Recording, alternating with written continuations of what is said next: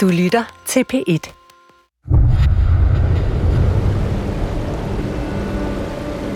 Floden bulrer afsted med en voldsom kraft. Det er som om strømmen arigt prøver at skubbe de kolossale klippeblokke til side, sådan så den kan mase sig hurtigere frem. Efterårsvinden hiver i træerne, der troner bag ved klippeafsatserne. Men larmen fra flodens brusen og blæstens tude bliver pludselig punkteret af smældet fra sheriffernes Winchester-rifler, der sender ekoeksplosioner ned mod vandet. Mellem sherifferne op på klippeafsatsen og den bulrende Columbia River nedenunder, hænger han midt i luften, fanget mellem to udgaver af den visse død. Sherifferne har jagtet ham i flere timer, og nu har de ham endelig på skudhold. Og floden er klar til at knække nakken på ham i det sekund, han rammer det faretroende mørke land.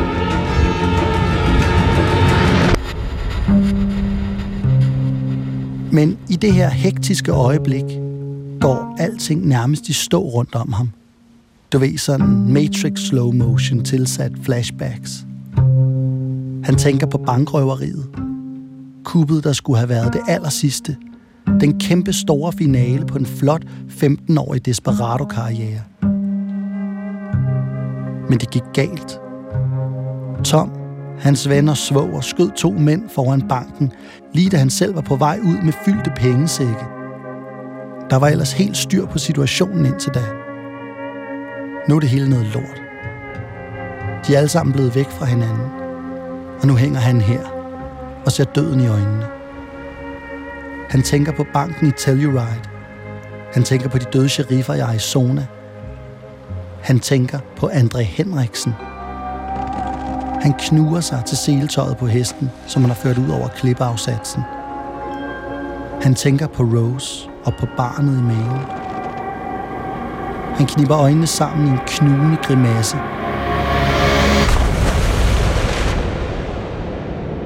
Og så er der vand overalt. Det her er De Lovløse, og jeg hedder Emil Rothstein Christensen. Og det, som den her episode handler om, er vel noget i stil med, hvor svært det kan være at gå fra at være en af de onde til at blive en af de gode. Og så handler den også om noget, som mange af os tumler med. Nemlig at få balancen mellem familieliv og arbejde, eller kriminalitet, til at gå op i en højere enhed.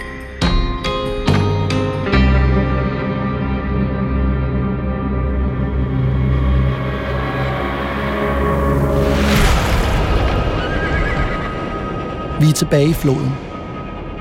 Matt sidder stadig i sadlen, men strømmen er kraftig, og han og hesten bliver ved med at blive presset ned under.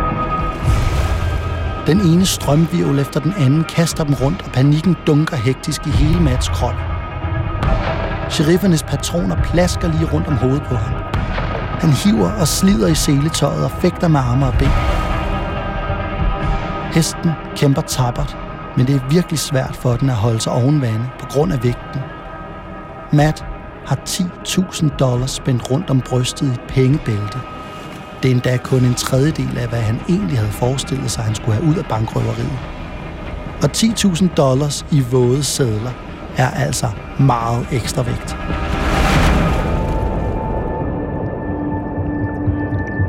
De bliver trukket ned under vandet. Matt kæmper for at komme af med pengebæltet og holde fast i sadlen på samme tid. Han er fuldstændig udmattet. Og i det mørke vand får alt et drømmeagtigt skær. Og pludselig forvandler bæltet sig til en grøn slange, der håner Matt og visler. Så du er parat til at stjæle og dræbe for mig? Den mener pengene i bæltet der, og fortsætter. Du var parat til at bedrage din hustru og dit ufødte barn for mig. Fint. Nu skal du få det, som du vil have det. Du kan få mig og min rigdom på flodens bund.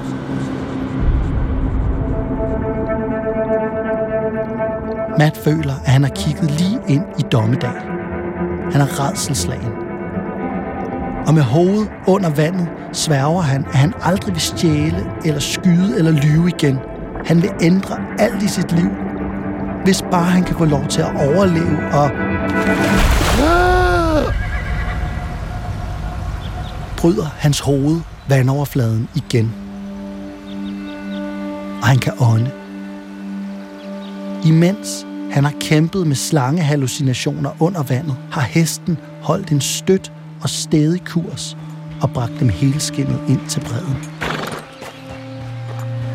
Endelig kom vendepunktet, og Matt har langt om længe fattet, hvad det er, der er vigtigt her i livet. It was just like I had had my day of judgment and death. I had been given one more chance.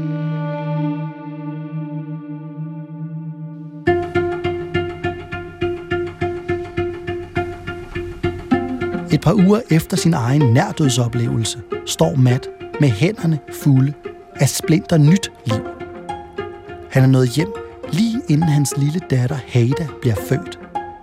Og aldrig har han haft mere lyst til at være lovlydig og kedelig og artig og kærlig. Han og Rose begynder at pakke sammen nærmest med det samme. De vil flytte så langt væk som muligt, så de kan begynde på et nyt lykkeligt kernefamiliekapitel i deres liv. Og det første lange stykke tid har de planlagt, at de bare skal leve af alt det guld, de har gravet ned omkring huset. Men dagen før de har tænkt sig at tage afsted, da Matt er ved at pakke de sidste ting ned i prærievognen, kommer der fem mænd ridende op mod deres lille hytte. De siger, de er kvægopkøbere og beder om en kop kaffe. Selvom Matt ikke helt ved, at man skal stole på dem, så går han ind for at varme vand. Men da han træder ud af døren igen, er de væk. Han vender sig forsigtigt og går ind i huset igen. Han kan høre Rose og babyen inde i det ene værelse. Og så kaster tre af mændene sig over ham bagfra. Imens to andre træder frem og peger deres pistoler lige i ansigtet på ham. Og imens hans kone forfærdet ser til med den lille baby på armen, slæber de til sidst Matt ud af døren, binder ham og smider ham op i deres hestevogn. Der er udlovet en dosør på 20.000 dollars for at fange medlemmerne af The Invincible Three i live. Matt prøver at sige noget beroligende og kægt til Rose, da han bliver kørt afsted. Men der er ingen af dem, der rigtig tror på, at det hele nok skal gå.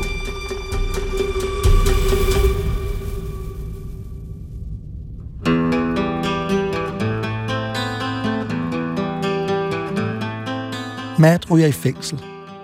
Cellen er lille og usel, og sherifferne, der bevogter ham, frygter og hader ham så meget, at han ikke får lov til noget som helst.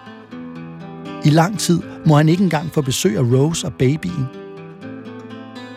Det eneste, der efterhånden fylder i hans hoved, er flugt og hævn og savn.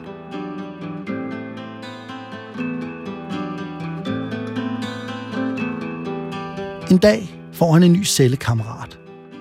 En lidt smart fyr, der griner hånligt, da han hører, at Matt planlægger en flugt. Det er gammeldags at bryde ud af fængsler. Nu om stunder hyrer man advokater til at ordne den slags for en. Det har virket for ham her, den smarte fyr, hver eneste gang han er blevet sendt i spillet. Zap! Jeg afbryder lige mig selv her. For det her, det er det øjeblik, hvor den moderne verden kommer og hiver den sidste charme ud af det vilde vest. Advokaten, den moderne verdens sexløber, kan få den åbenlyst skyldige ud af fængslet. Det eneste, det handler om, er penge. Og det er så nedtur. Nå, men videre i historien. Zap! Der bliver arrangeret et møde, og en venlig og forstående og meget, meget dygtig advokat kommer på besøg i fængslet. Mats indledende skepsis bliver hurtigt forvandlet til blind tillid, og inden advokaten er ude af cellen igen, har Matt tegnet ham et kort over alt det nedgravede guld. Og advokaten lover, at han vil grave det op og kun bruge det, der er absolut nødvendigt for at få Matt ud, og resten af pengene er selvfølgelig Mats egne.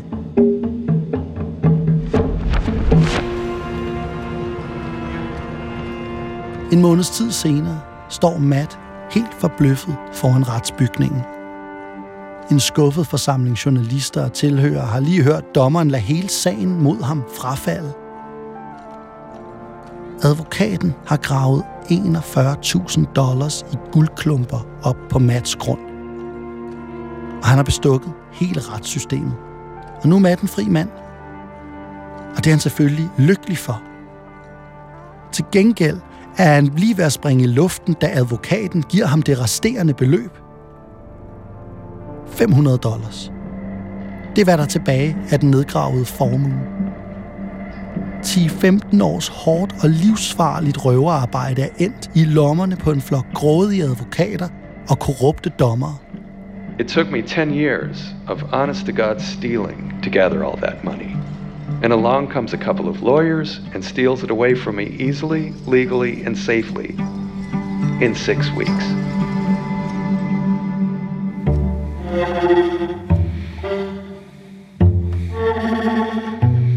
Forholdet til Rose er på det her tidspunkt ikke specielt godt. Og Matt skifter mellem at savne hende og lille Hada, så det nærmest er ved at slå ham fuldstændig ud, og så at være så vred og fornærmet over, at Rose ikke støttede ham nok i fængslet, at han aldrig vil se hende igen. Men lige da Matt skal til at falde tilbage i de gamle vaner, han jo ellers havde lovet at lægge fra sig i Columbia River, bliver kontakten til Rose genetableret.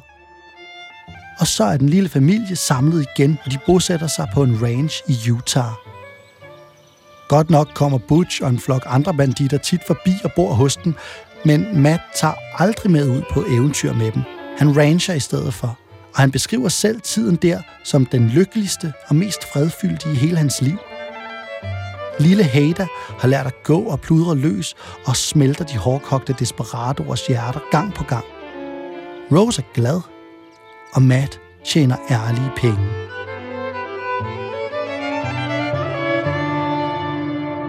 Men selvfølgelig får lykken ikke lov til at vare evigt. Rose har i lang tid haft ondt i knæet, men hun har bare bidt smerten i sig.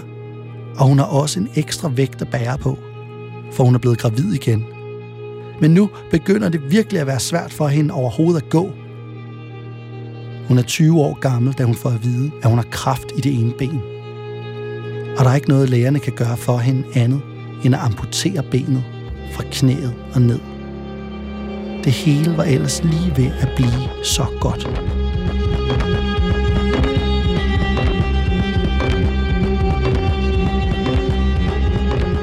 Situationen er altså den, at Matt nu er alene om at passe sin syge, gravide, etbenede hustru, deres treårige datter Hada og ranchen på én gang.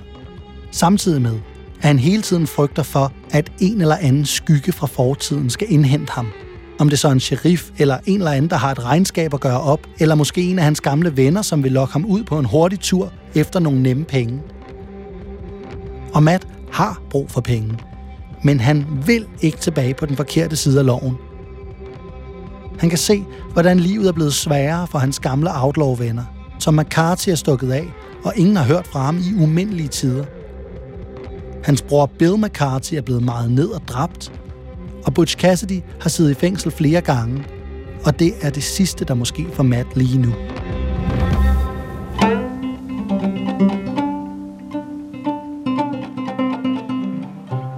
Men en dag får han et godt og ærligt tilbud, som han ikke har råd til at sige nej til. 100 dollars, måske med lidt bonus oveni, for at hjælpe en guldgraver med at flytte hans lille guldgraverlejr fra et bjerg og hen til Diamond Mountain. Det bjerg, hvor hele Mats eget outlaw-liv begyndte. Rose og Hada er sammen med noget familie i en større by, hvor de kan være tæt på lægen, så det passer ham egentlig udmærket, og han rider afsted. Der er bare det, at guldgraveren her ikke har fortalt Matt præcis, hvorfor det er, at han vil betale så meget for hans hjælp. Guldgraveren har fundet en utrolig guldåre i bjerget. Men der er tre mænd, der følger efter ham konstant. De er ude på at hugge alt guldet, og guldgraveren frygter, at han vil blive overfaldet af de tre mænd, så snart han er tilbage på bjerget.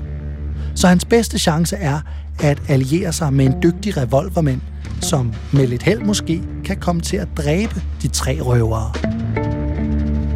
Og det er med den skjulte bagtanke, at han har taget fat i Matt Warner, da han er nede og få sig et glas på den lokale saloon. Men alt det aner Matt altså, som sagt, ikke noget om, da han rider afsted med guldgraveren og et par andre mænd en forårsmorgen i 1896.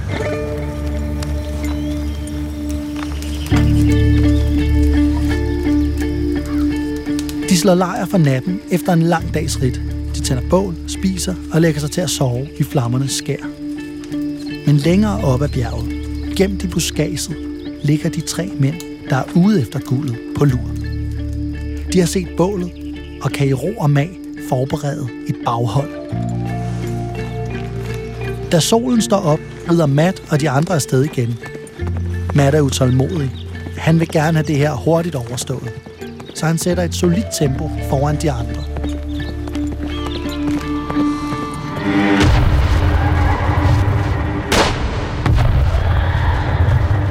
En tromme hendes sprængende larm tordner pludselig imod ham. Hesten viner i smerte og knækker sammen under ham. De bliver beskudt fra tre sider. Og her sætter jeg tempoet ned i ultra slow, for at tjekke lige det her I det splitsekund, hvor hesten falder, hiver Matt et gevær, som er spændt fast til sadlen, fri med venstre hånd, imens han med højre hånd hiver sin revolver op af skeden i bæltet. Og samtidig sætter han af med begge fødder i stigbøjlerne, sådan at han svæver igennem luften, da hesten rammer jorden. Han plaffer allerede løs med begge våben, imens han springer. Inden han selv lander stensikkert på benene. Han ser en skulder bag en busk. Bang! En mand nede. Matt bliver stadig beskudt, og hans tøj er gennemhullet af kugler. Men ved et mirakel bliver han ikke alvorligt ramt. Og der ser han pludselig en nakke. Bang! Og der en næse.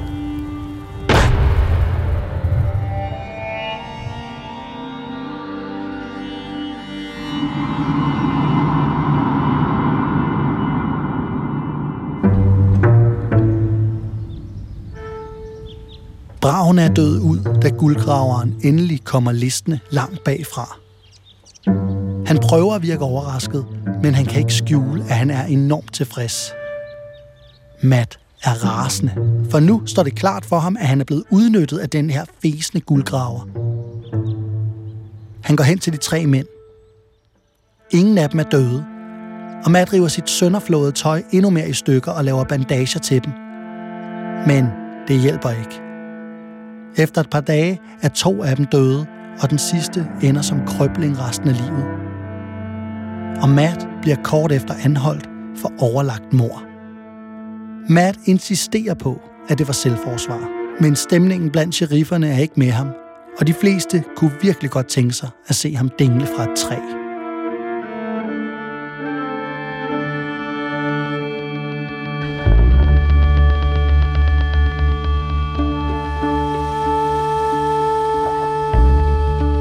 Imens Matt sidder varetægtsfængslet, knust og frustreret og venter på sin dom, føder Rose i juni en lille søn. Rex Leroy Christensen.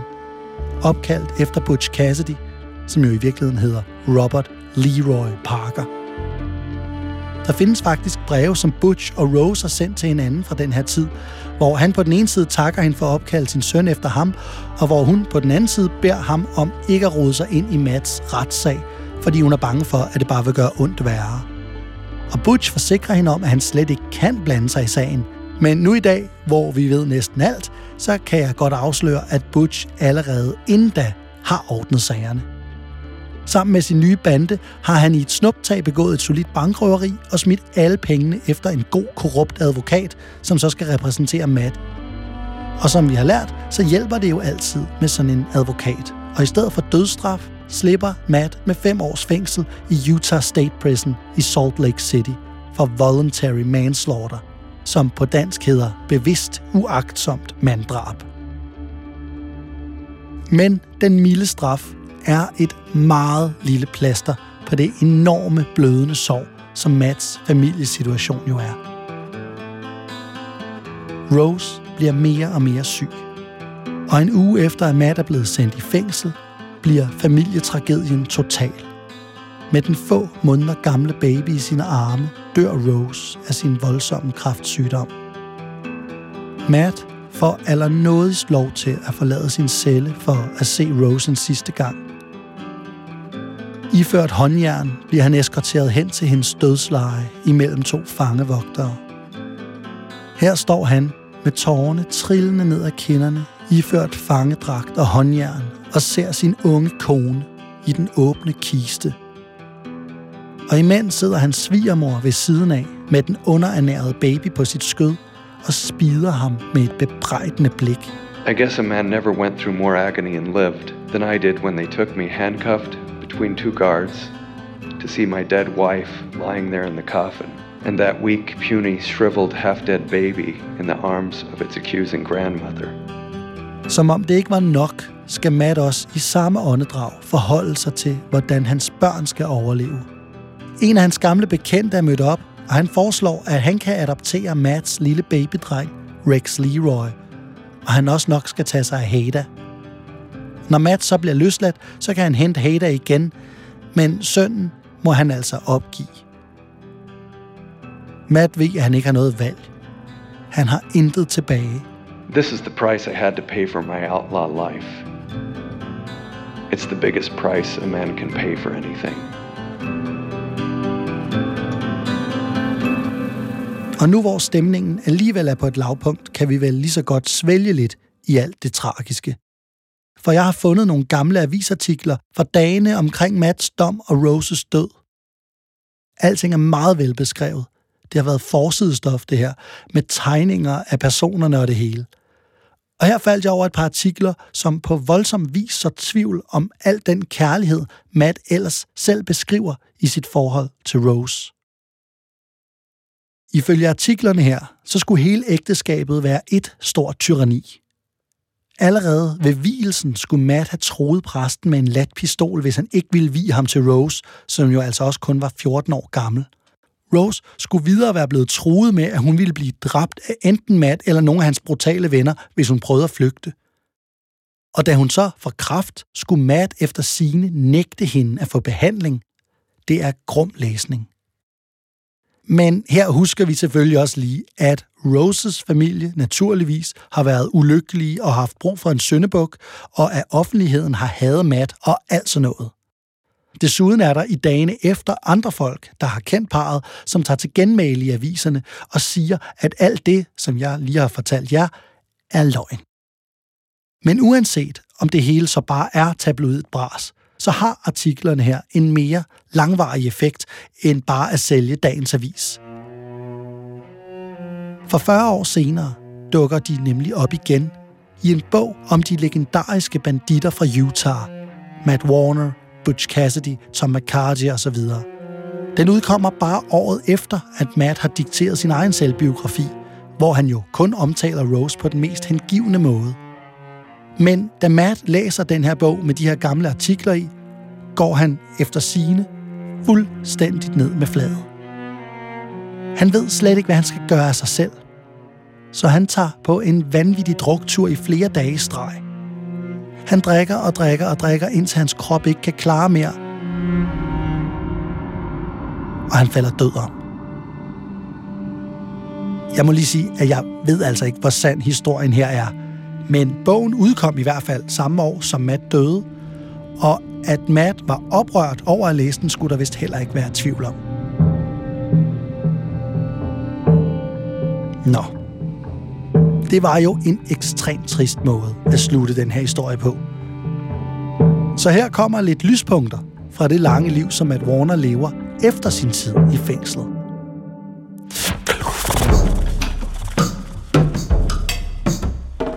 Matt bliver løsladt før tid på grund af god opførsel i år 1900. Han henter sin datter Hada og flytter hjem til sine gamle forældre, imens han selv prøver at få styr på sit liv igen. Hans far, Kristen, har været i Danmark flere gange i mellemtiden og missioneret, og han er fortsat en stor figur i mormonkredse. Og Matt sværger, at han aldrig vil bryde loven igen. Han får en ny kone, og han får også flere sunde og raske børn.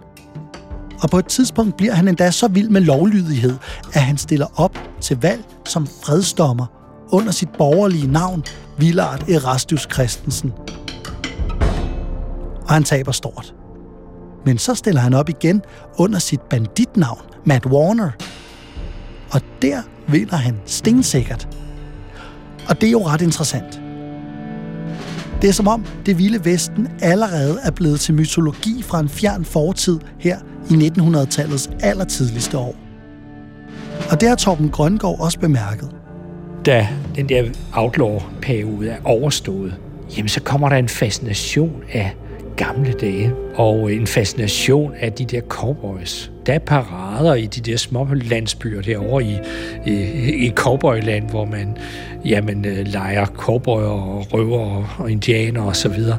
Og der er han jo, øh, der er han jo med hele vejen igennem. Og jeg troede ikke, at der var danskere, der var så markante, men øh, det er der. I, I starten, når man læser øh, hans erindringer, så kan man jo godt sige, ah, har han ikke lagt ekstra ting på. Men jeg må sige, at øh, så kastede jeg mig over øh, aviser, samtidens aviser. Og der må jeg sige, nej. Og det er jo faktisk fuldstændig vildt. Og det, der så måske særligt slår en, når man læser hans øh, biografi, det er, at øh, han efter at have været, øh, om man så må sige, virkelig bandit, bliver meget anerkendt. Det er dybt imponerende. Matt er en enormt pragmatisk, forstående og nærmest pædagogisk dommer. Og senere får han også job som sheriff, hvor han bliver kendt for altid at være et skridt foran de kriminelle, fordi han simpelthen kender deres planer, inden de selv har udtænkt dem. Og i dag har Villard Erastus Christensen, Matt Warner, The Mormon Kid, stadig legendestatus i Utah på grund af sine meritter på begge sider af loven. It's been 35 years since I promised I would go straight the rest of my life. I made that promise in January 1900. I never have broken my word yet. Except maybe I bent it once.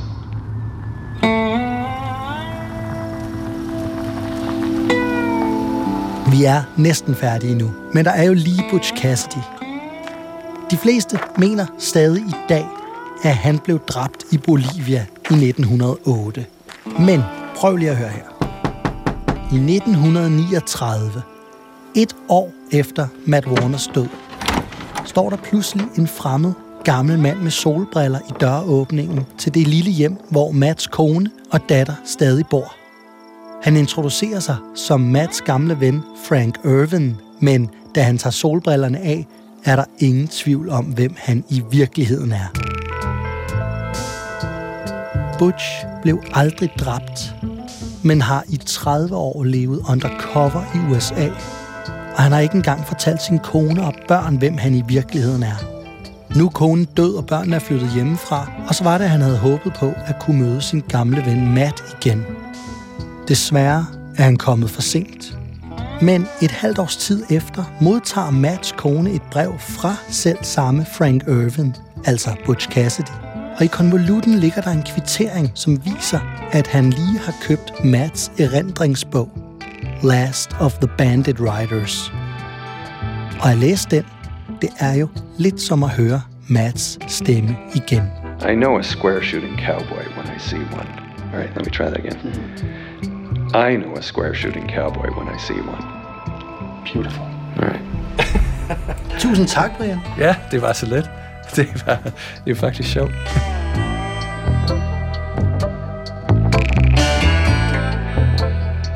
De lovløse bliver produceret af Mono Mono.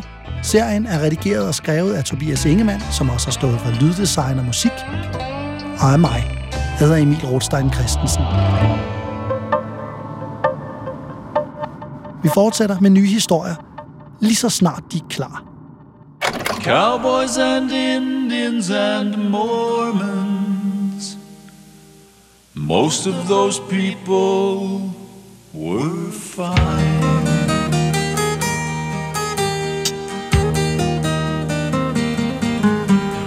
The cowboys were rough and rowdy. getting drunk and shooting up the town Some fell in love with Mormon maidens. Even Latigo finally settled down. Well, most of those cowboys were friendly. Most of those cowboys were fine. But some of those cowboys were up to no good, making trouble all the time. Cowboys and Indians and Mormons. Most of those people were just fine.